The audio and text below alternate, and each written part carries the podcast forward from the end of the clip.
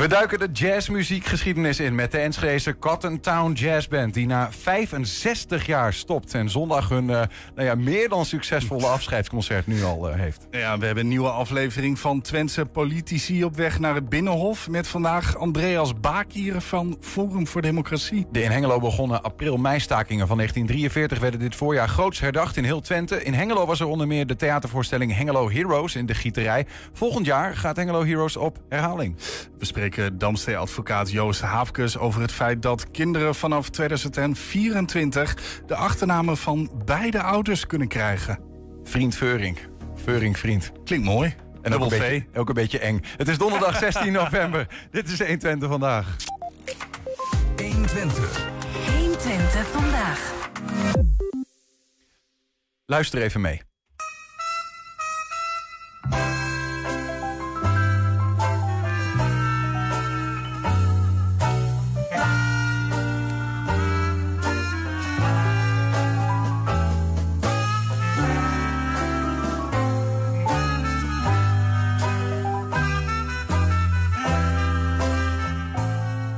Hoort een stukje van uh, Blue Turning Grey Over You van de Cotton Town Jazz Band. Een band die op 2 augustus 1958 werd opgericht en in de jaren daarna mateloos populair werd in Enschede.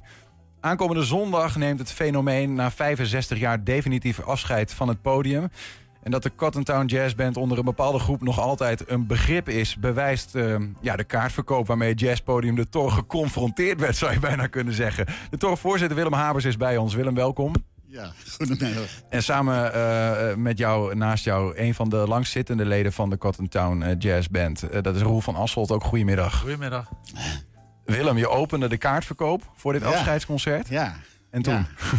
Nou ja, weet je, dat, we hebben wel meer concerten in de toren. Dat, uh, dat mogen duidelijk zijn. Dus ik denk van nou, een concertje, dat is prima. We openen de kaartverkoop en in no time uh, uh, was, was die volledig uitverkocht.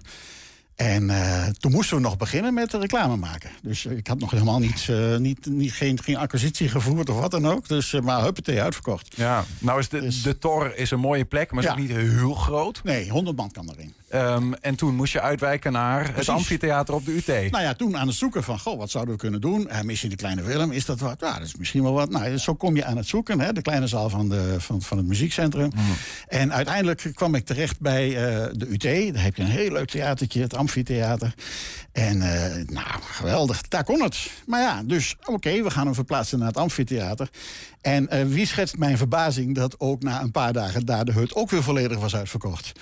Dus uh, ik ben weer naar de UT toe. Van jongens, hebben jullie nog een wat grotere zaal? Nou, die hadden ze. Uh, of hadden ze, die hebben ze. De Agora Theaterzaal. En uh, daar gaat het nu plaatsvinden. En wat denk je? Ja. Uitverkocht. Ja, ja dat, dat zou wel. Roel, dat komt allemaal door jullie. Ja, ja, ja. Ja, dat uh, Willem uh, verrast was door, door, door de verkoop uh, van de kaartjes voor ons jubileumconcert. Dat verraste ons niet zo, omdat we lange tijd niet gespeeld hebben in de Tor. En misschien de naamsbekendheid in het publiek van de Tor niet, niet zo bekend. En Willem dacht, nou dat, die 90 man die, die raken we wel kwijt. Ja, die bij ons. Dat, dat lijkt me, ja, we hadden, er wel een, we hadden nog wel een lichte waarschuwing laten uitgaan. Jullie hadden wel vaker ja, met dat beltje gehakt. Ja, precies. We zijn nog een keer 60 jaar geworden en een ja. keer 30 jaar. En ja, dat is een gigantische oplop geweest, altijd. Dus ik denk, nou, er zijn wel wat van onze oude fans overleden. Inmiddels natuurlijk, dat krijg je dan hè, als je ja. zo lang bestaat. Maar een redelijke opkomst hadden we echt, echt wel verwacht. En het is er ook uitgekomen. We zijn heel erg tevreden met, met die 300 man die nu... Uh, en, het, en degene die we moeten teleurstellen. Ja, dat, ja. Uh, ja, dat blijft, helaas. Um, ja. Ontzettend benieuwd wat um, nou ja, jullie band als fenomeen uh, inhield. Hè? Ook back in the days, zeg maar. Gaan we het zo allemaal over hebben. Maar toch nog heel even, want je stipt het al aan. Het is een toch een wat oudere doelgroep. Hè? Dat brengt dat ook met zich mee, een wat oudere band. Willem, dat bracht ook de nodige uitdagingen mee als het gaat om kaartverkoop. Uh, ja, ja ik, uh, ik heb uh, heel, veel, heel, heel, veel geleerd. Ja, ja. Nou, weet je, het is, het is gewoon een feit dat. En dat heb ik een beetje onderschat. De, de, de, digitale vaardigheid van onze vaste bezoekers. die, die ligt net iets hoger dan van onze incidentele bezoekers. Nou, veel mooier ja, dan dat nee, kan ik nee, niet opschrijven. Nee, nee, dus daar ben ik inderdaad behoorlijk ja, ja, geweest. Precies. dat is dan even, ook wel weer leuk. Dat, dat digitale kaartjes niet per post fysiek in je Nee, hand dat eh, zitten. Dat is nog wel, eh, ja. Ja, ja. Nou ja, goed, dan heeft u een beeld van de, van de En dan zaak. wil het wel eens gebeuren dat hij in de spambox terechtkomt. En dan krijg je iemand aan de telefoon. En dan zeg je, moet u even in uw spam kijken. In wat moet ik kijken? In uw spam. Spam, wat is dat in vredesnaam? Dus dat soort eh, situaties eh, zijn er nog wel een paar keer geweest. Ja, ja. Even, even de band eh, voorstellen. Anno nu, 2023. Eh, we hebben Gerard Koopman. lid sinds 1959. Daar komen we zo nog verder op. Harry Swankhuizen, trompet sinds 88. Eh, Theo Toenink, contrabas 1990. Fred Gaasbeek op de drums, lid sinds 1994. Gert Pol, trombone sinds 2010. En hij zit naast me, Roel van Asselt, gitaar, banjo, zang. Zit sinds 1980, Roel. Ja, Dat is, eh, vergis je niet, hè, 43 jaar. dat is 43 jaar. Gaat je niet in de koude kleren zitten. Jij Dus, nog eh, niet geboren, joh? voor- Eh, nog lang niet zelfs. ik, ik, ik hecht ook aan om te zeggen dat het voor sommige van onze leden ook wel enige emotionele betekenis heeft, eh, dit afscheid. Het is bijna een pensioenleeftijd dat je, een pensioenperiode lang, Nou. dat je hebt gespeeld in zo'n orkest. En dat, dat stopt dan nu. Eh, althans in deze formatie. Ik denk dat we als individuele muzici toch nog wel ergens anders op zullen duiken. En dat doen we ook al nu regelmatig in andere orkestjes. Maar het samenhang in de Cotton Town is, eh, gaat dus nu echt stoppen. Ja, ja. Ja, Het is, eh, Neem ons eens mee, want in 1980 kwa- kwam jij bij die band. Ja, Leon Kamerbeek speelde toen banjo en gitaar. En die, Wat ging- voor, wat voor, een- waar, kwam je in terecht? die verhuisde naar, naar Limburg. En toen kwam ik terecht in een groep ja, die mij van naam wel kende. Ik speelde ook in andere orkesten. En hadden ze, wel, eens- hadden ze wel, zichzelf wel eens uitgeleend in dat orkest. En hoorden ze mij, hey, die, die past wel in ons idioom. En wat ik aantrof was een, eh, was een, eh, een club die zich vooral op het oude blank eh, richtte. De oude Chicago-stijl. Waarin ook al veel wordt geïmproviseerd door, door solisten. Hè, in tegenstelling tot New Orleans, waar het alleen maar collectief geïmproviseerd werd. En ik kwam aan in een, in een omgeving waar men nog wel zeer hechtte aan arrangementen. Goed uitschrijven van wie blaast wat wanneer. En op basis van welke akkoorden. En met name op die akkoorden, daar is, eh, moet ik zeggen, in de loop van de tijden wel heel wat afgediscussieerd over wat het nou precies moet zijn. Een A7 plus of een A mineur. Ja, echt pur- puristen. Eh, ja, met name Bent Volkers, onze toenmalige pianist en leider van, van het orkest. Ja. Die eh, hechtte er zeer veel waarde aan om dat heel erg zorgvuldig uit te knobbelen. Ja. En dat is wel gebleken, ook na zijn, gebleven ook na zijn overlijden in 1992. Ja. Eh, daarna hebben we ook geen pianist meer erbij genomen. om twee redenen. Eén uit piëteit voor Ben Volkers. Tweede, je bent toch wat vrijer zonder pianist. In het arrangeren en in het eh, afspraken maken met elkaar. En jazzmuzikanten willen vrijheid. Absoluut. Jazz is vrijheid. Eh, heel- we, gaan, we gaan nog even een, een stapje terug in de tijd. Hè. Eh, eh, Roel, toen was je zelf nog geen onderdeel van de band. Maar even... En zelfs voor de oprichting, 1958, eh, eh, startte het. Maar daarvoor, Willem, eh, was eh, de Cotton Town Jazz Band al een, al een ding. Als in, maar dan niet als Cotton Town Jazz Band, begrijp ik. Ja, daarvoor hebben ze onder een andere naam de, De Classics. de Classics, precies. En die hebben op een gegeven moment hun naam veranderd in de Cotton Town Jazz Band. Ja. En eh, eh, Ja. Ja. Cotton, Cotton City eh, Ja, is is het nog een tijdje geweest. geweest. Ja. Maar Ja. die bleek al ergens vergeven te zijn. Toen zei iemand van, nou, doe het toch Cotton Town, kan ons het schelen. Ja, en in 1958 ziet het er dan ongeveer eh, eh, eh, zo- zo uit. Hè? Ehm, Ja. eh, Dan gaan we heel ver terug in de tijd. Maar, en, en Roel, dan, dan ja, dat wordt dan ge- opgericht. En dan de, de tien jaar daarna gebeurt er iets merkwaardigs in, eh, in Enschede.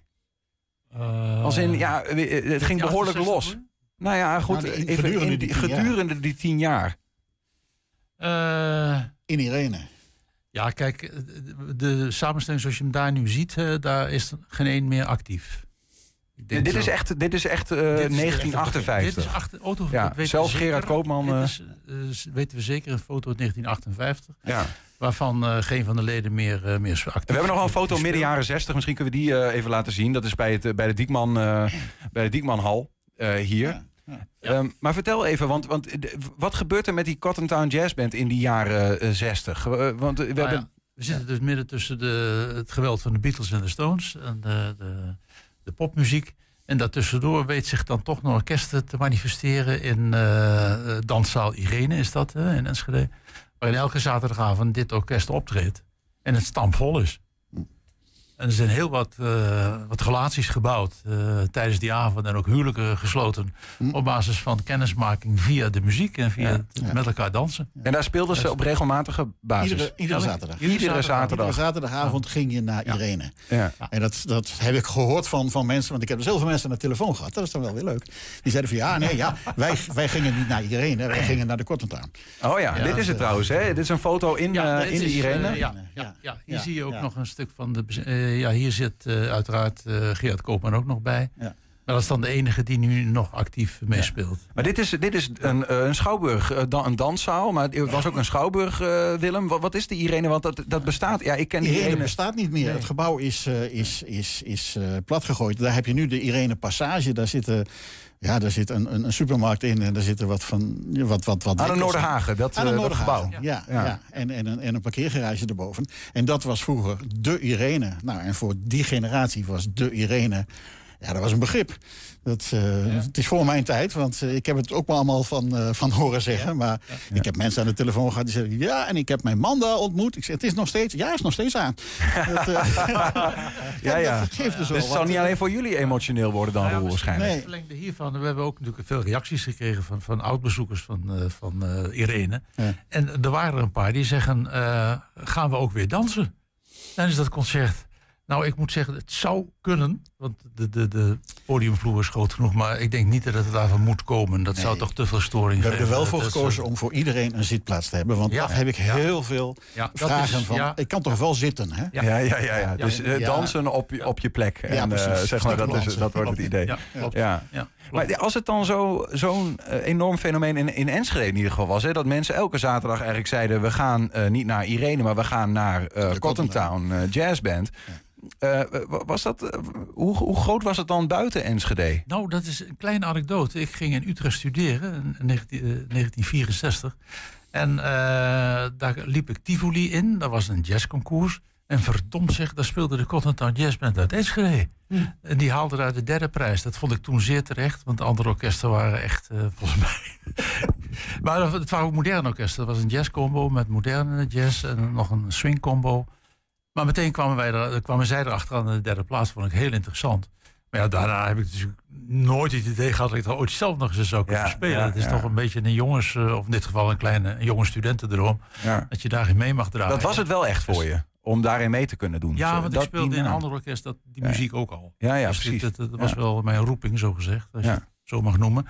En eh, nou ja, dat is eh, mijn eerste ontmoeting met de Cotton. Maar da- daarnaast hebben ze ook in, eh, nou ja, op de jazzfestivals in Breda gespeeld. In Doetinchem en Zwolle. En ook prijzen weggehaald. Het is een beetje een impertinente vraag, maar verdien je daar dan ook geld mee? En is dat zeg maar, eh, of is Nee. dat allemaal toch liefhebberij? Nee, eeuwige roem. Ja, Ja, ja. en eh, de belangstelling van Willem. Ja. die- die- Eeuwig die- eeuwig die- roer met een sigaar. Ja, ja, ja, dat hoort er dan ook bij. Nee, dat honoraar, daar moet je echt niks bij voorstellen. Nee. Nee. dat is zelfs voor de Belastingdienst zover dat je daar negatief inkomen op hebt op zo'n orkest. Als je en je snaren moet betalen en je, je, je versterking en je nieuwe instrument en je reiskosten.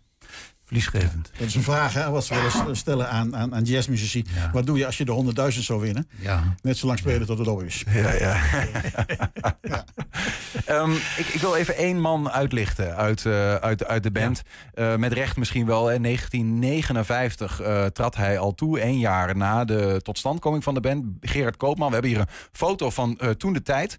Ehm, Op, moet ik even goed zeggen, eh, op klarinet speelt hij Ja, in ieder geval. Is dat hier ja. ook het geval? Ja, dat is hier ook. Links Ja. staat hij. Ja, klarinet, sax en, en, en zang. Ja. Ehm, maar goed, de- deze man die we dus hier, je zegt links van het midden? Ja, nee, links, helemaal uiterst links. Helemaal Ja, uiterst links. Ja. Dat is dus Gerard Koopman. En Ja. hier is Still Going Strong. We zien hem eh, met een stukje solo op jullie 60-jarig jubileum. Zagen hem voorbij komen op een video op YouTube. Even kijken.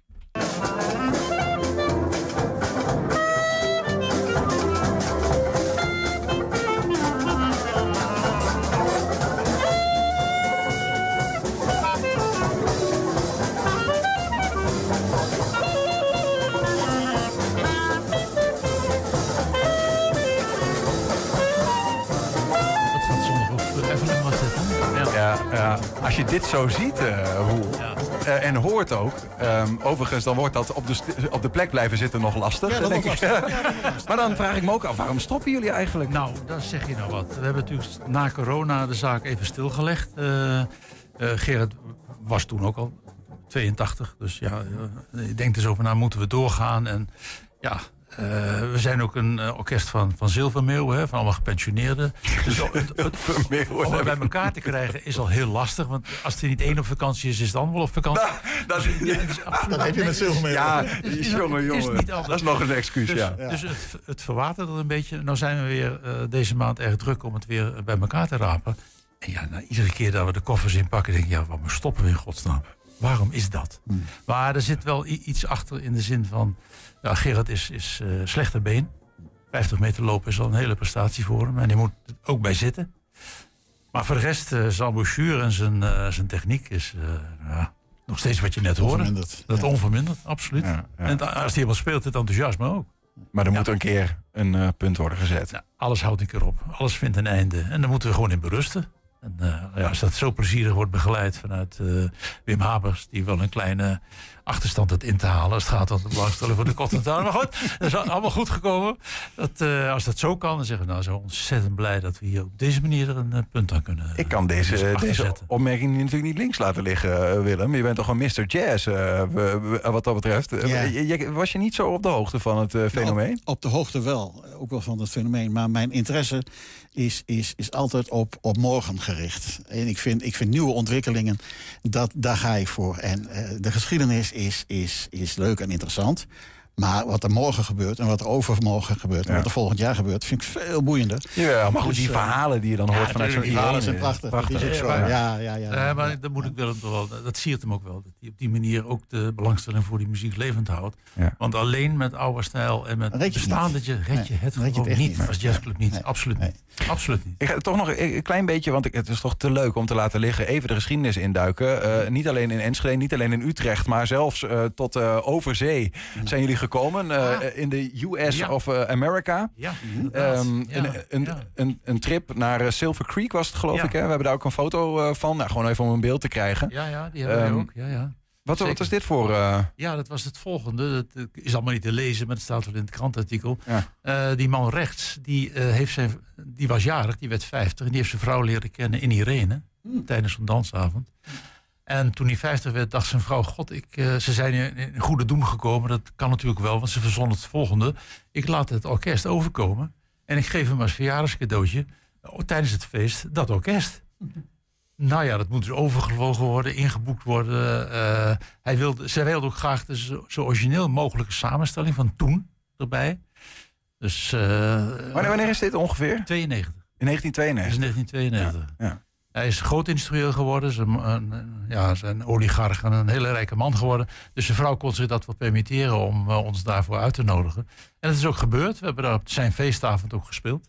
Wauw. Eén keer gespeeld. En, en, nog steeds, en, en, nog, en nog steeds was het liefhebberij? Of ook, ook, Ja, kon er van de oligarch wel wat af? Ja, nee, eh? nee, nee, nee, nee, nee, absoluut niet. We zijn daar een week lang in een hotel gestopt. Maar dat wil je gewoon niet weten. Dus wat dat betreft was het wel... eh, Is dat goed of fout? Ja, er is een zo in de watten gelegd. Oké, we hebben ja, een auto ter beschikking kregen we. Ja. Met een pasje voor de benzine en zo. Dat was allemaal. Eh, we Waar, waar in Amerika dan? Het was in Silver Creek. Dat is in de state New York. Ligt vlak onder Toronto. Ja. Even de Ah, grens oké, over Canada. oké. Daaronder bij de Niagara. Waterfalls. Ja. En daar is ook een fotootje van. Die eh, passeert ook zondag nog, denk ik. Als, Ja. ik. als ik daar nog wel de bewustzijn voor heb. Ja, ja, elkaar te krijgen. Want ik moet ook spelen, weet je wel. ja. Ja, Maar goed, toen toch even meegemaakt wat het is om eh, inderdaad eh, ja internationaal ja, te gaan. Internationaal ja, ja. topfavoriet te, te zijn. Ehm, eh, dan nog afsluiten misschien een foto uit de Grote Kerk. Eh, dat is toch wel mooi, hè? want het blijft natuurlijk uiteindelijk een band eh, uit Enschede. Ja. Ook in de periode dat we nog werkten met Helen Golden als eh, zangeres. eh, of Helen Raasbeek, zoals ze ook echt heette. tien jaar lang. eh, Tien jaar lang mee geweest. gewerkt, ja. ja. Eh, dat liep ook in zekere zin eh, vast, wil ik niet zeggen, maar de, Die zien we Helen ook nog trouwens, even voor het beeld. Daar Ja. ze. Ja. eh, ja, omdat we toen we 50 jaar bestonden, hadden we ook eh, Chris Baber nog in het eh, voorprogramma. Zeg je misschien niks, die naam? Nee, daar was ik al bang voor. Maar, eh, Er zijn wel meer dingen die voorbij komen hoor, ik knik maar gewoon. nee, maar dat is het icoon van, uit, uit, uit onze stijl. Ja. Ja, daar heeft ze ook nog gezongen, Helen. En heel goed, want ze kan de zaak ontzettend opzwepen, moet ik zeggen. hoor. Als ze- helemaal bezig is, en, ja, met haar dictie en haar timing, krijgt ze de zaal echt plat. Dat ging heel goed. Maar voor haar was het ook na tien jaar wel, nou ja, dit was het dan. En voor ons ook. We hebben ook een andere zangeres weer erbij genomen. Maar goed, eh, Dat soort figuren zijn, eh, ik weet niet of ze nog leeft, maar, maar eh, zijn er ook leden van Weleer die er misschien nog bij zijn aankomende zondag? Of is dat hebben we wel voor over nagedacht. of je, wat je dan doe, je kunt ze uitnodigen. Maar dan moet je uit goed fatsoen toch ook wel zeggen, nou, speel een stukje mee. Ja, dat zouden we wel leuk vinden. Dat is en daar dan hadden we de vorige keer niet zulke goede ervaringen mee. Ja, ja, dat is ook dat- lastig misschien om dat is goed lastig. En dat heeft iets met zenuwen te maken. Sommigen hebben al lange tijd niet meer gespeeld. Willen wel ons dat pleziertje doen. Maar alles bij elkaar wordt het toch niks.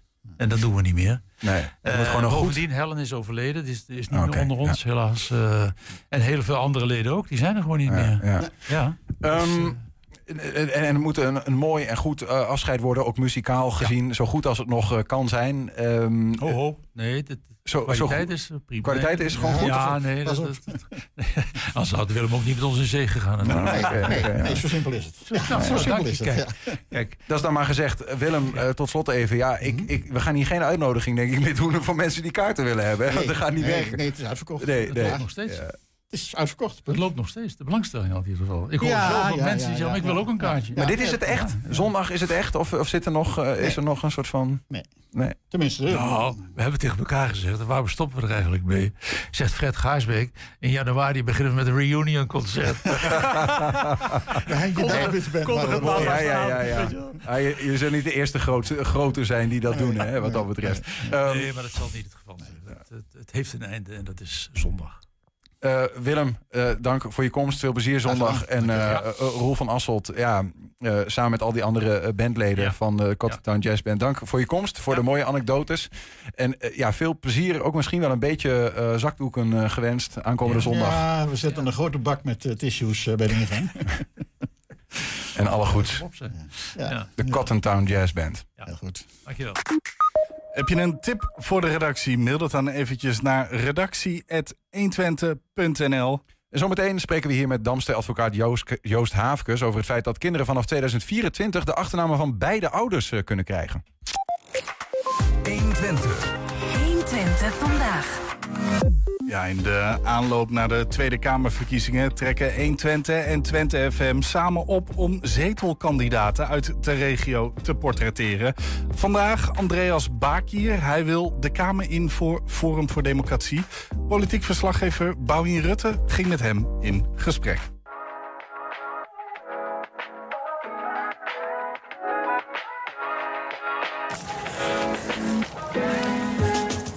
Wat goed om hier samen aan de, aan de wandel te gaan vanmiddag, eh, Andreas. Ja, dat klopt. Prachtige natuur hier in de Rutte. Ja, voor Ja. jou natuurlijk best wel bekend eh, terrein Ja, zeker. zeker. als eh Enschedeer. Ja. Andreas, je staat op de, op de lijst voor Forum voor Democratie. Mhm. Daar ben je ook al jaren actief voor. Zeker. Vanuit de Provinciale Staten heb je daar een rol vervuld. Ja. Maar je bent ook eh, werkzaam in de Kamer, Ja, toch? Voor de ja. Tweede Ja, Kamerfractie. eigenlijk vanaf het eerste uur al. Eh, je wilde graag eh, ook over LHBTI hebben, over, over woke. Mhm, Eh, ik heb jullie verkiezingsprogramma gelezen. Ja. En ehm, daar staat bijvoorbeeld in dat Mhm. jullie voorstander van zijn... dat iedereen mag zijn wie die is. Ja. Ja. Maar is dit dan ook niet een onderdeel daarvan? ja, kijk, dus je- uiteraard mag je zijn wie je bent. Hè. Het zou, zou raar zijn als iemand zegt, nee, jij mag niet zijn wie jij bent. Maar je hoeft dat niet op te dringen aan andere mensen. Als, als, kijk, jij, jij, jij hebt, jij hebt zeg maar de- die, die hele letterreeks. Hè. Daar heb je dus die LGBTQ en dan mensen vo- voegen daar allemaal dingen aan toe. Ja. Dus je hebt homoseksuelen, lesbiennes en biseksuelen. Dat gaat om op wie jij valt, eh, met wie je het bed zou willen delen. Dus, dus dat gaat daarover. Maar al dat andere, dat is gewoon het ontkennen van, van, van de schepping in eerste instantie. Maar ook jouw biologie. Wat, wat, is, wat voor een geslacht heeft een, een non-binaire dan? Heeft die... Maar is het dan niet tegenstrijdig met, met wat in het verkiezingsprogramma staat? Hè? Dat Nee, jullie zeggen van, joh, ieder mag zijn wie die is. Ja, maar en dat iemand hoeft niet voelt zich- te worden. Nee, maar oké, Ja. die begrijp ik. Ja, Dus eh, ik mag wel non-binair zijn, maar jij zegt van je hoeft het mij niet mee te, geven, ja. op te dringen. ja. Maar je zegt ook anderzijds van als jij dat bent, dan ben je dat. Prima. Ja, ik, ik ga je niet tegenhouden. Als jij aan jouw vrienden en familie wil zeggen... hé, hey, ik ben non-binair... en ik zou het voor het zeggen hebben, dan ga ik niet de politie op je afsturen. Dan moet je lekker zelf weten. Maar waar ik mij wel heel erg aan stoor, en dat is vooral heel erg nu in het westen. Eh, vooral als je in Amsterdam bijvoorbeeld loopt. Je hebt echt elke 10 meter heb je zo'n LGBTQ-vlag. En dan heb je op school dan heb je Paarse Vrije Dag. En heb je Coming Out Week. En weet ik veel wat allemaal. Je hebt zoveel van dat soort dagen. Doe lekker je ding. Hè? Maar laat mij ook met rust. Ja, dus jij zegt eigenlijk van, doe gewoon je ding... Ja. maar val een ander daar niet mee lastig. Dat is wat ik jou hoor zeggen. Ja, maar er, er is wel een grens. En dat is als je een kind van 11, 12 jaar op school continu indoctrineert van... Hey, je bent misschien wel een jongetje, maar ben je niet misschien een meisje? Vind je het ook misschien leuk om een keer met een pop te spelen? Denkt het kind van, ja, ja misschien ook wel. En dan, oh ja, ja, dat is waarschijnlijk een meisje. En dan is de weg heel snel gemaakt om, om in transitie te gaan, zoals ze dat dan noemen. En dan ga je dat kind voor zijn leven beschadigen. Dat kun je toch niet maken? Hoe zou het volgens jullie partij anders kunnen? Nou, laten we gewoon tien jaar terug in de tijd gaan bij wijze van. Waarom ging het toen wel goed? Waarom hadden we dat, dat, dat destijds niet? Zij doen het onder het mom van seksuele voorlichting. Dat gaat over voortplanting.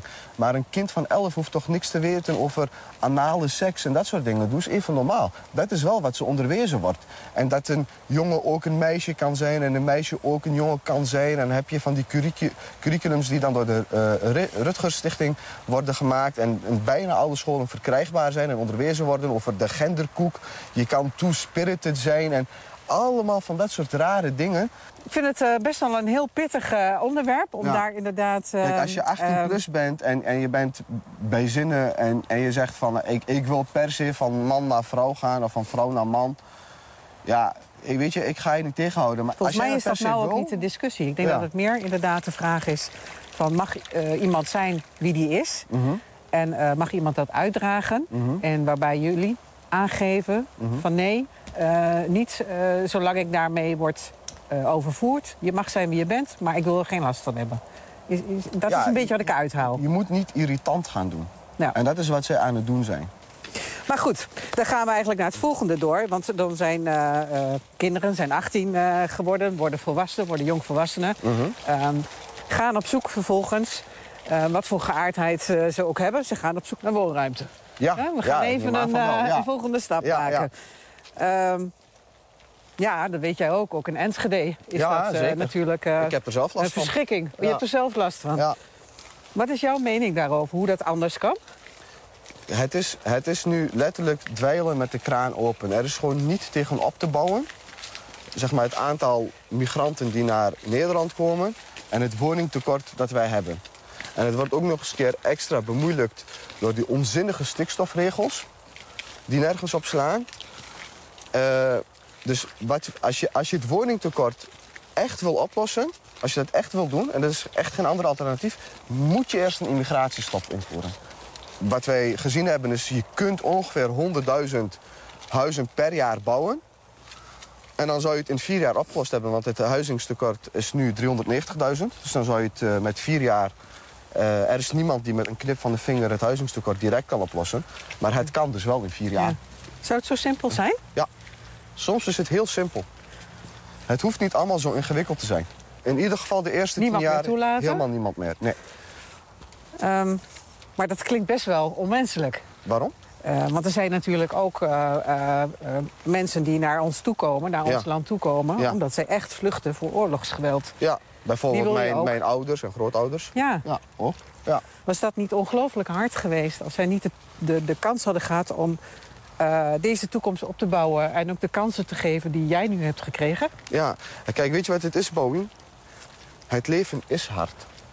Toen mijn ouders, ik ben Nederland ontzettend dankbaar dat zij ons wel hebben opgevangen, maar ze hadden het niet hoeven doen. Dus wij, wij, wij, wij willen best wel helpen en, en, en, en, en, en ze daar houden, maar wij, wij, wij, wij kunnen het gewoon niet meer dragen. De lasten zijn gewoon te groot geworden. Het, het is ook gewoon heel oneerlijk tegen de mensen die hier geboren en getogen zijn. Wij zijn geen liefdadigheidsorganisatie. Dit is een land. En dit land dat moet je besturen. Vluchtelingen- Het is, het is niet zo dat als jij nu de grens dicht doet... dat je dan in één keer 1,2 miljoen mensen de volgende dag uit de armoede haalt. Maar dan kun je in ieder geval eh, die mensen beginnen daaruit te halen. Want wat er nu gebeurt is dat dat, dat dat aantal juist groeit met de dag. En het moet met de dag moet dat juist afnemen. Doordat wij gewoon, het is belachelijk dat wij in zo'n welvarend land zoveel mensen hebben wonen die onder de armoedegrens wonen. Maar mocht je eh, als Kamerlid Mhm. nou, aan de slag gaan, wat, wat neem jij dan mee van ons? ik, ik hou van dit, hè? Van, van, van, de, van de prachtige natuur. Dus in, in dat opzicht ben ik echt een tukker. En eh, die, die, die Twentse nuchterheid, hè, die non-nonsense, dat is wat ik mee wil nemen naar de Tweede Kamer. En natuurlijk ook heel veel lokale problemen die wij hier in Twente hebben, waar de Tweede Kamer gewoon geen zicht op heeft of gewoon niet naar wil kijken. Nou, weet je, eh, Andreas, ik, ik ga je sowieso heel veel succes wensen eh, natuurlijk. Deze aankomende weken met de campagne. Ja. En ook eh, ja, mooi om toch even een blik te werpen achter de, de persoon Andreas. En eh, nou ja, wat jou ook, eh, ook motiveert in deze. Ja, Dus, eh, dankjewel. heel veel succes. Dankjewel. Ja? Eens gelijks. Oké.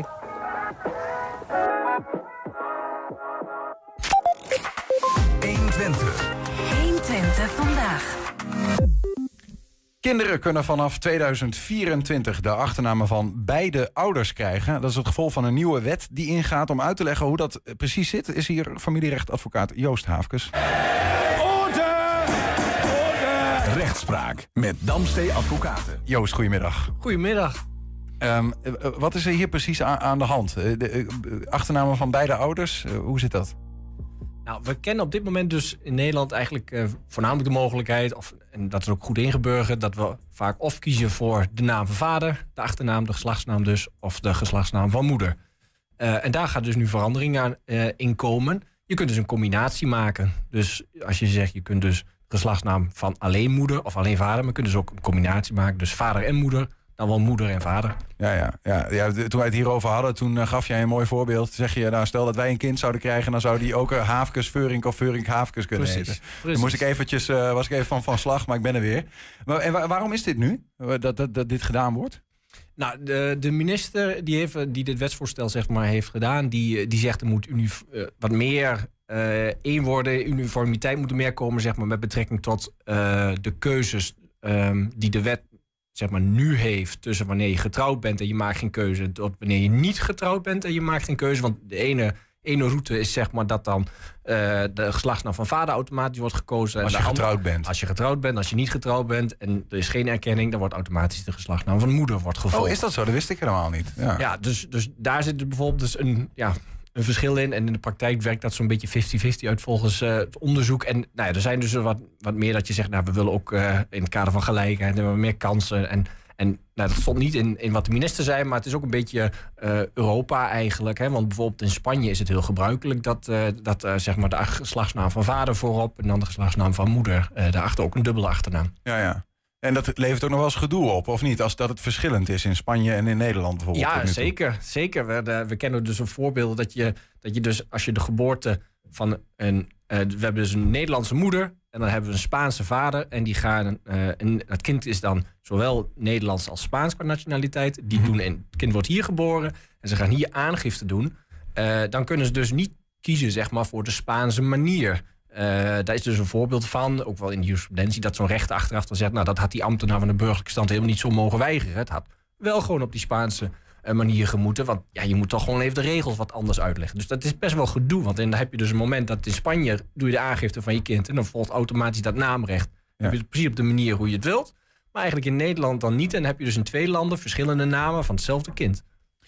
Dat, gebeurt, dat, dat, dat is voorgekomen. Dat is Omdat er in voorgekomen. Spanje toegelaten werd eh, vaders, vadersnaam en moedersnaam als achternaam. Ja. En in Nederland was het alleen maar vadersnaam of alleen maar moedersnaam. Precies. En toen heeft de rechter dus gezegd, nou we vernietigen. Dat heeft terugwerkende kracht. En dan zegt, moet het alsnog aangepast worden. Niet met een wijziging, maar gewoon dat vanaf het moment geboorte... dus al dit dan de geslachtsnamen waren. Ja, ja. Conform Spaanse manier. Ja. Even induiken hoe dat dan precies, eh, precies werkt. Want ehm, het, er hangt nogal wat aan vast. Je zou denken, nou ja, als iemand gewoon... eh, nou ja, bij Veuring Haafkes, dat is nog redelijk te overzien. Maar sommige mensen hebben ook eh, hele bijzondere achternamen. Ik zeg Jolante Cabau van Kasbergen. Ja. Ehm, als die nou een kind zou krijgen met een partner... die ook een, een soort, soort van, ja, klinkt een beetje adellijke achternaam heeft... dan worden, krijg je hele, hele toestanden. Ja, dus dat, daar heeft de, de wetgever ook over nagedacht. Hoe gaan we dat nou doen? En ze hebben dus eigenlijk gezegd... ja, dan moet je die mensen die nu al een dubbele achternaam hebben... dan moet je dan zien als een enkele achternaam. Dus je kunt daar best dan eh, nou ja, vrij lange achternamen van krijgen. Dus dan, krijg je dus de, dan krijgen zij dus de optie dat ze dus uh, van Kassenbergen plus dan die andere achternaam. Dus op die manier kunnen doen. Of die andere achter, dubbele achternaam voorop en dan Cabau van Kassenbergen achterop. Dus dan krijg je dus, in zoverre lijkt het dan net of het een nou, vier namen zijn. Maar dat, Ja. eh, dat wordt dus door de wetgever gezien als één naam. Maar dat zijn dus de uitzonderingen eh, waardoor het knap eh, ingewikkeld kan gaan worden. Ja, ja, precies. Nou ja, goed. We zaten een beetje op de redactie hierover te bomen. Want je gaat dan toch een beetje een gedachte-experiment doen. Maar even, laten we het voorbeeld noemen van iemand. ehm, van, die heet dus eh, ehm, eh, Van Henegouwen, de, Van Henegouwen de Boer. nu al. En iemand die heet De Vries. En die gaan samen en die krijgen een kind. Dan heet dat kind mogelijk Van Henegouwen de Boer De Vries. Ja. Dat kan. Ja. Ehm, en als dat kind nou weer samengaat met iemand die ook zo'n hele lange achternaam heeft. Krijg je dan een soort kettingreactie? Dat dat kind op een gegeven moment straks, eh, net zoals Willem-Alexander en zo, 18 eh, achternamen hebben. Nou, dat, dat gelukkig niet. Dan wordt het knap ingewikkeld. Eh, dus zeg maar, als je dan een kind hebt van. ehm, nou, je bent dus. Het was ingevoerd, je bent een paar generaties verder. En je hebt dus eigenlijk twee ouders. En die hebben allebei dus zeg maar zo'n gecombineerde achternaam. Mhm. Ehm, dan is het dus mogelijk dat, dat, dat zij dus ook hun kind eh, weer zo'n gecombineerde achternaam gaan geven. Maar dan is het niet mogelijk dat ze dus vier namen meegeven. Want dan zij hebben eigenlijk een gecombineerde achternaam. Dus zij hebben dus twee namen, allebei die ouders. Ja. Dus dan moeten ze kiezen welke van die twee namen zij mee willen geven. Ja, ja. En dan krijgt dus die, dat kind krijgt dus eh, eigenlijk. De ouders hebben dus een optie voor tien achternamen. eh, ja, voor dus zeg maar. Kind. combinaties. Tien combinaties zijn dan mogelijk. Ja, ja. en dat, dat blijkt ook uit dan de, totstandkoming zeg maar, van deze wet. Dat dat eh, uitdrukkelijk tot de mogelijkheden behoort. Het wordt, er, er wordt een potpourri soms, denk ja, ik. dat- Ja. het wordt wel interessant. Ja. Want uiteindelijk gaat dus nu alle mensen krijgen gewoon die, die optie. En dus de ambtenaar van de burgerlijke stand. Dus je, je gaat met je vriendin, eh, je eh, vriendin is in verwachting. Je gaat naar de ambtenaar van de burgerlijke stand. Als je bij de erkenning, dan krijg je dus zeg maar al zo'n de vraag: wat ga je doen met de naam? ja. En, en ja, dus dan gaat, vanaf nu gaat dit dus echt ook, ook gaan spelen. Want als je nu dus al een erkenning wil doen en je kind wordt straks geboren na 1 januari 2024, krijg je dus nu al de vraag: wat wil je met de naam?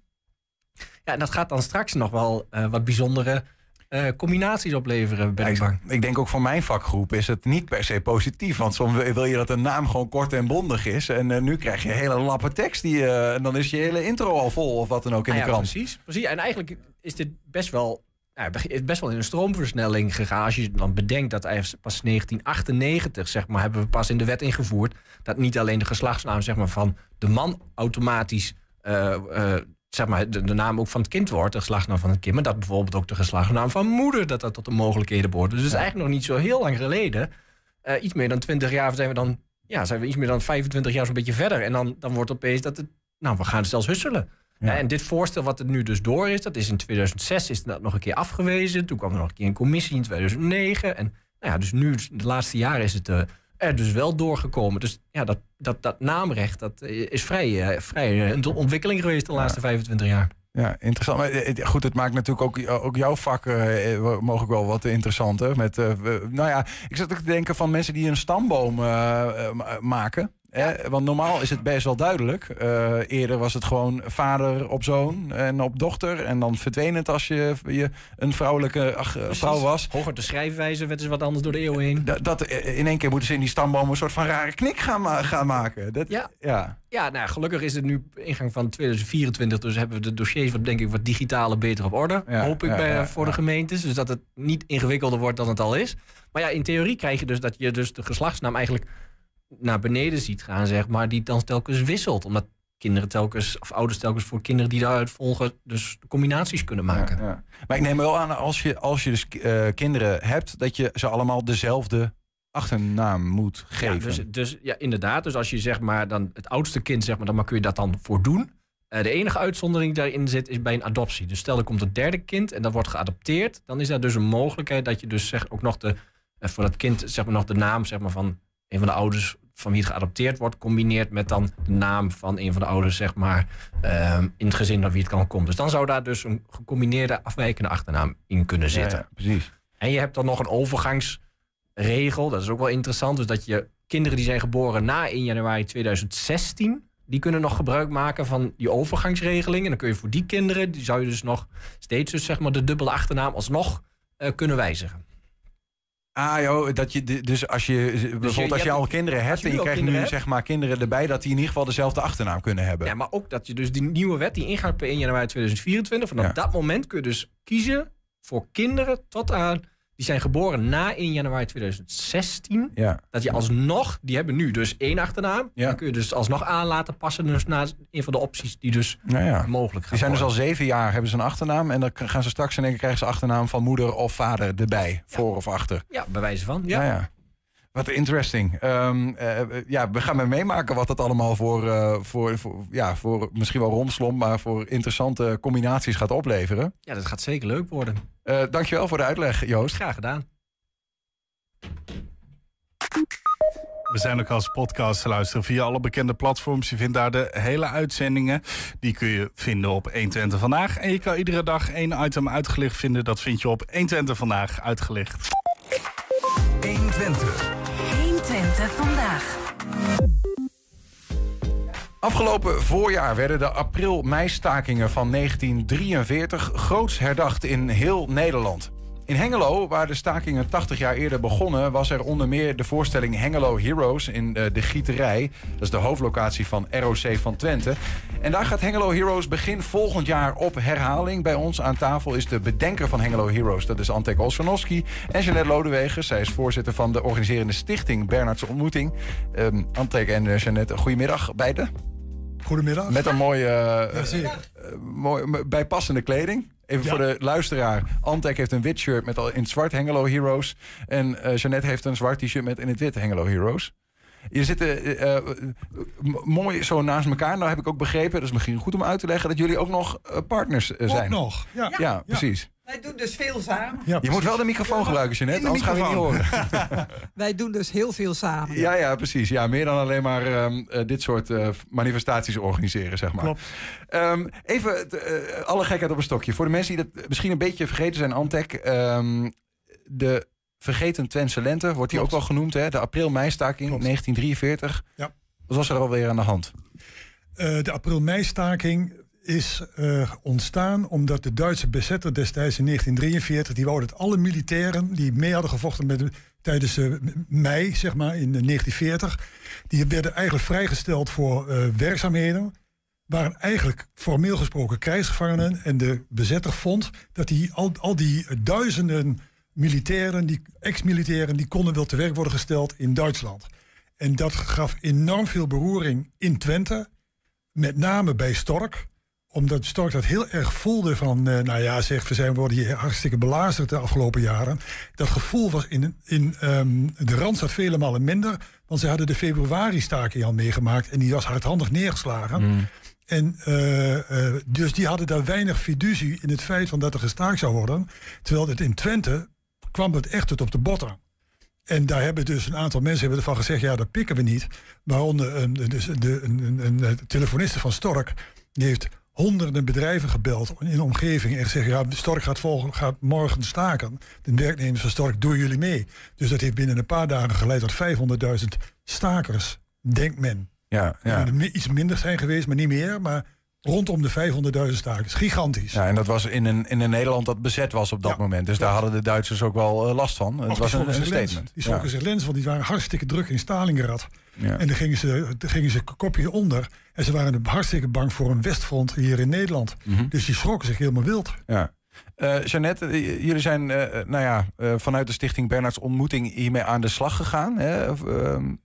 Dit jaar, moet ik zeggen. Ja, de, de, want de tijd gaat snel, dit voorjaar. Eigenlijk, eigenlijk daarvoor al, maar in ieder geval om, om iets op poten te zetten. Waarom vonden jullie dat je iets mee moest doen? Nou ja, we vonden, vorig jaar was het natuurlijk al heel actueel. Hè? Als je kijkt naar, eh, nu is het dan gebaseerd op vrede en vrijheid. En vorig jaar zat dat item natuurlijk ook heel erg verweven in eh, de voorstelling. En eh, ja, het is meer dan actueel dat wij natuurlijk vrede en vrijheid koesteren. En dat we ons realiseren hoe moeilijk het is. En om dat ja, in stand te houden in heel veel landen. En eh, dat je ten alle tijde voor democratie moet knokken. En dat komt ook heel erg weer in deze nieuwe voorstelling. De, deze nieuwe voorstelling in 2024 die start bij de april-mei-staking. Mhm. Eigenlijk zijn vorig jaar er naartoe gewerkt. Nu start hij bij de april-mei-staking en wordt er heel erg aandacht besteed hoe de ontwikkelingen in Europa zijn ten aanzien van ja, het, het, het realiseren van die democratie en Ja, ja. vrede en vrijheid behouden. Ja, want het is wel, dat is wel goed om te benoemen. Het, eh, herhaling betekent niet hetzelfde verhaal hè, eh, waar jullie nu mee bezig gaan, Antek. Nee. Absoluut niet. Kijk, kijk, wat we doen is, we beginnen bij de, bij de april-mei-staking in 1943 en wandelen zo de oorlog uit naar Berlijn toe, waar in 1946 eh, extreem gevochten is tegen de, eh, eh, zeg maar de communistische overheerser die toen op, opkwam. Vervolgens gaat het door in Poznan, waar ook tegen de communistische overheerser is ge- gevochten. Dat sloeg over naar Budapest. Waar in 1956 gigantisch gevochten is. Door eigenlijk al die. Dat waren allemaal volksstakingen, zowel Berlijn, Poznan als Budapest, die ontstaan zijn, spontaan ontstaan zijn. Omdat Tegen het regime. Tegen het regime, ja, precies. Ja, Ja. Ja, dat is de rode draad. Dat is de rode draad. Ja, ik, ik begreep zelfs dat, dat, dat jullie zeg maar zeggen van, want ik, nou ja, wat dat betreft geef me een geschiedenisles, maar dat er vanuit eigenlijk ook vanuit die opstanden eh, Europa überhaupt is eh, ontstaan. Ja. Hoe, hoe, Ja. hoe, hoe doe je dat? Kijk, dat was, kijk, in 1945, na de capitulatie van Duitsland, toen was er al een algemeen, algemeen gevoel in, het, in de Euro- Euro- Europese bevrijde landen, dit willen we nooit weer. En de- toen he- hebben ze elkaar hebben ze bij de handen vastgehouden en gezegd van, die holocaust willen we niet en we willen eh, dat ons volk in vrede kan leven en we willen een economische voorspoed willen we, eh, willen we eh, in gang brengen. Dus we gaan, internationaal, we gaan verdragen afsluiten, internationale verdragen afsluiten. Dat is in Europa gebeurd. En da- sindsdien, sindsdien, sindsdien Europa bestaat, hebben wij geen oorlog meer. Ja, want als je gezamenlijk optrekt, Ja. dan heb je minder ruzie met elkaar. Ja, kijk, nu, kijk je nu naar de Balkan, hè, dan zie je dat die landen zich niet hebben aangesloten destijds. Oekraïne kon zich natuurlijk ook niet aansluiten, maar daar is nu wel steeds hommeles aan de gang. Ja, ja. Ehm, even, even om een beeld te krijgen, want we hebben het dus over een vervolg op eh, Hengelo Heroes. Klopt. Ehm, dat eh, dit, dit voorjaar eh, is uit- uitgevoerd. Ja. Ehm, dat gebeurde in de gieterij. We hebben daar een fragment van om een beeld te krijgen van hoe dat er toen uitzag. Margot Vermeulen zien we hier, de verteller van de voorstelling. die dus drie jonge stakers, en dat zijn dan acteurs bij deze, hè, van de opstand uit 1943 aan het woord Het laat. zijn acteurs van het ROC van Twente. Goed om te benoemen. Alle drie waren ze nog onder de twintig. Joachim, Femi en Tjitte. En toch deden ze het. Ze deden mee, ze riepen op. Heeft het gevolgen voor jullie gehad? Absoluut. Absoluut. Wat heb je ervan gemerkt? Ehm, veel van eh, mijn collega's hier in de gieterij, maar ook vooral vrienden, ehm, ben ik, eh, die zijn vermist geraakt. Femi? De angst bij iedere knal die je hoort. Overal, maakt niet uit waar je bent. Joachim? Een jeugd die je nooit meer terugkrijgt. Een stukje. eh, zij, zij hebben het hier over de nasleep, denk ik, van die staking, hè, Antek? Ja, Want dat was niet mals hoe de Duitsers daarmee Die zijn omgingen. behoorlijk tekeer te gaan, ja, absoluut. Die hebben natuurlijk, zoals ik net al zei, ze waren do- doodsbang voor een Westfront. Ja. En die hebben natuurlijk eh, extreem hard hebben ze opgetreden tegen de bezetter, of tegen de, tegen de stakers. Mhm. En het heeft geleid dat tot, tot op de dag vandaag nog steeds 400 mensen vermist zijn, die nooit meer teruggevonden zijn. Ja. Dat was ook een tactiek van de, van de, van de, van de, van de Duitsers, of van de, van de bezetter, om mensen eh, met nacht en nebel te laten verdwijnen. Ergens maar te begraven. En dan, zodat het nooit eh, eh, zeg maar helden zouden kunnen worden. Dus die zijn nog steeds hè, zijn die zoek. Ja, nee, ja, ja. ja dat is En dat bizar. gebeurt- Vermissing is natuurlijk altijd misschien nog wel erger dan... Ja, een, misschien dan, wel, ja, dan ja. Nou ja, dat Ja. weet je niet. Maar, maar goed, dit zijn leerlingen van ROC, zei al, als je net... Ja, dat zijn leerlingen van het ROC. En dat is misschien ook wel heel mooi van dat proje- dit Ja. project. Als je kijkt hoe wij hier aan werken, dat betekent dat we met gigantisch veel partners, waarin het ROC een hele belangrijke is, samenwerken. En waar je ook in ziet dat iedereen zo zijn eigen, eh, ja, eigenlijk een soort regisseur is. Omdat eh, het is een dynamisch proces. De rode draad is duidelijk. Die heeft Antek net uitgelegd. Hè, het verhaal, waar gaat het over? Maar de inbreng van, er doen ongeveer 100 studenten van het ROC mee echt talenten allemaal als wij. Hè. We hebben er al veel mee gewerkt vorig jaar en nu.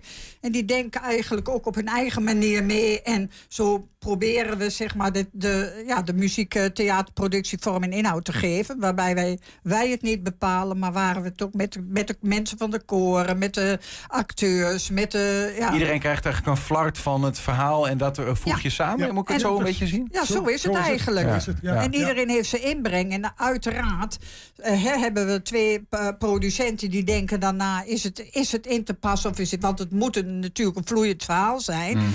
Hè, dus dan zie je ook dat er ja, heel veel goed in te passen is. En dat je zo een heel dynamisch proces krijgt... in de ontwikkeling van zo'n muziektheaterproductie. Ja. Waarin in, en jong en oud daar ook bij betrokken zijn. Dat vinden we ook belangrijk. Het zijn zulke belangrijke thema's... om ook die jongeren bij te betrekken. Nou ja, goed. Wat ik wel mooi vind aan het stuk wat we net even lieten zien, is dat, dat eh, deze jongeren echt vanuit, nou ja, vanuit hun rol en zo oud als dat ze misschien zelf al zijn op dat moment naar die situatie kijken. hè.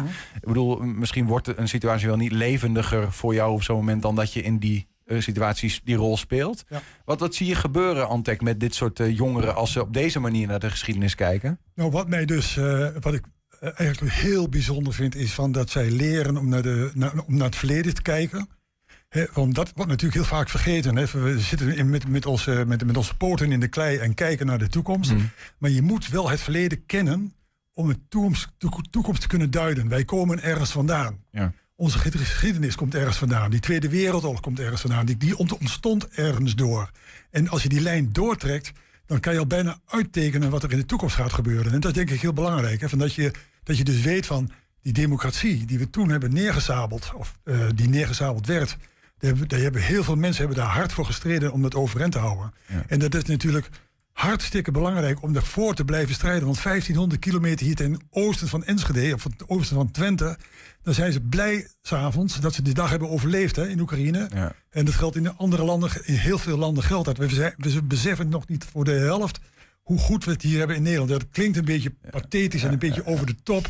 Maar zo is het natuurlijk eigenlijk wel. Hè? Maar was dit, was dit dan ook de, deze overtuiging hè, die je hierin hebt? Was dat ook de reden dat je zegt van ja, dit moet een vervolg krijgen? Of was het überhaupt gewoon dat het project zo succesvol was dat je zegt ja, wat is de reden geweest dat er nu een, een vervolg komt? eh, Nou, beide. Het was ontzettend succesvol. Wij hebben, eh, we waren vorig jaar van plan, of dit jaar in het voorjaar van plan om één, eh, één avond een uitvoering te doen. Ik geloof binnen drie weken waren de, alle 400 kaarten verkocht. En hebben we nog eh, heel erg snel kunnen zorgen dat we een tweede voorstelling deden. Ja. En dat is we hebben zo ontzettend veel reacties gehad dat mensen daar zo van onder de indruk waren. Ik zat zelf naast een mevrouw die zelf de oorlog mee heeft gemaakt. Nou, ik denk, die, heeft echt, die heb ik wel zes keer moeten troosten tijdens de voorstelling. Hè. Dat is ook, het kwam zo binnen en het was zo levensecht verhaal en zo indringend.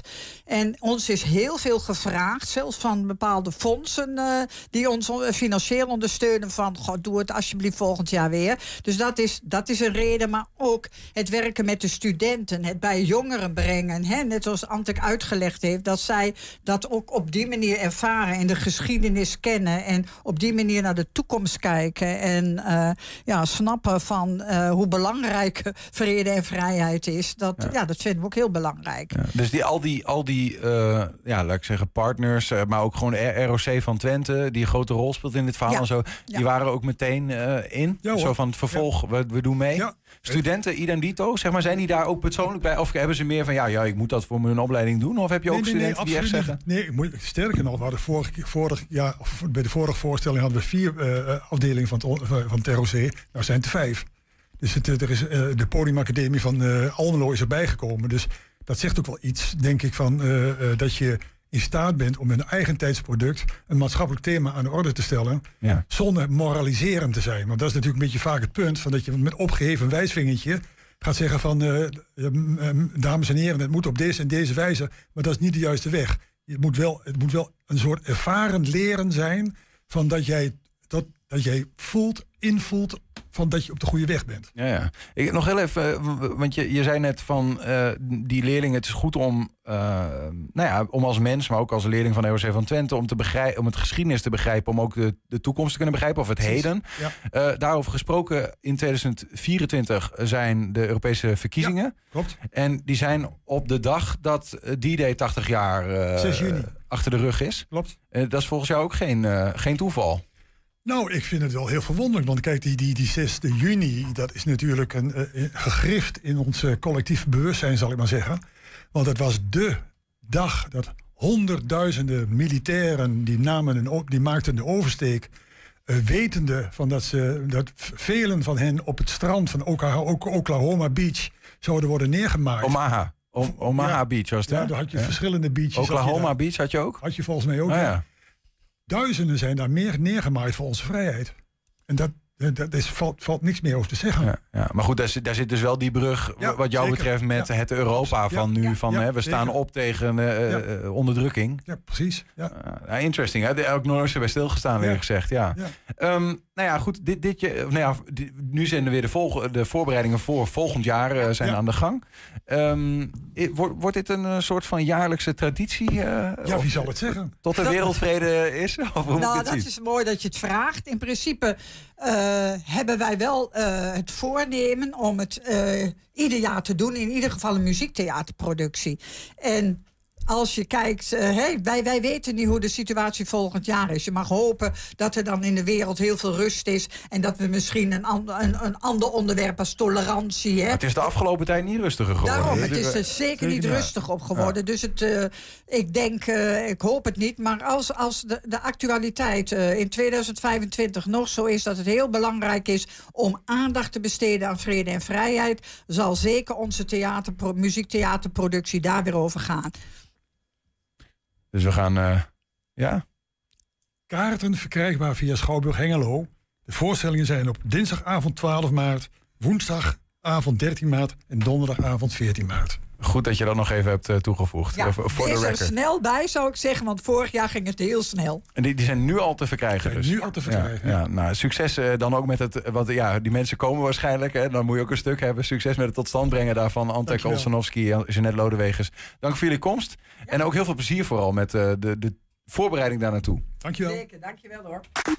En daarmee zijn we ook aan het einde gekomen van 120 vandaag. Terugkijken, dat kan direct via 120.nl. En vanavond om 8 en 10 zijn we ook op televisie te zien. Zometeen hier op de radio, Henk Ketting met de kettingreactie. Wij zeggen veel plezier. Tot morgen. 120. Weet wat er speelt in Twente. Met nu het nieuws van 5 uur. Goedemiddag, ik ben Frans van der Beek. Bij het meldnummer 144 Ret en Dier hebben ze het nog nooit zo druk gehad.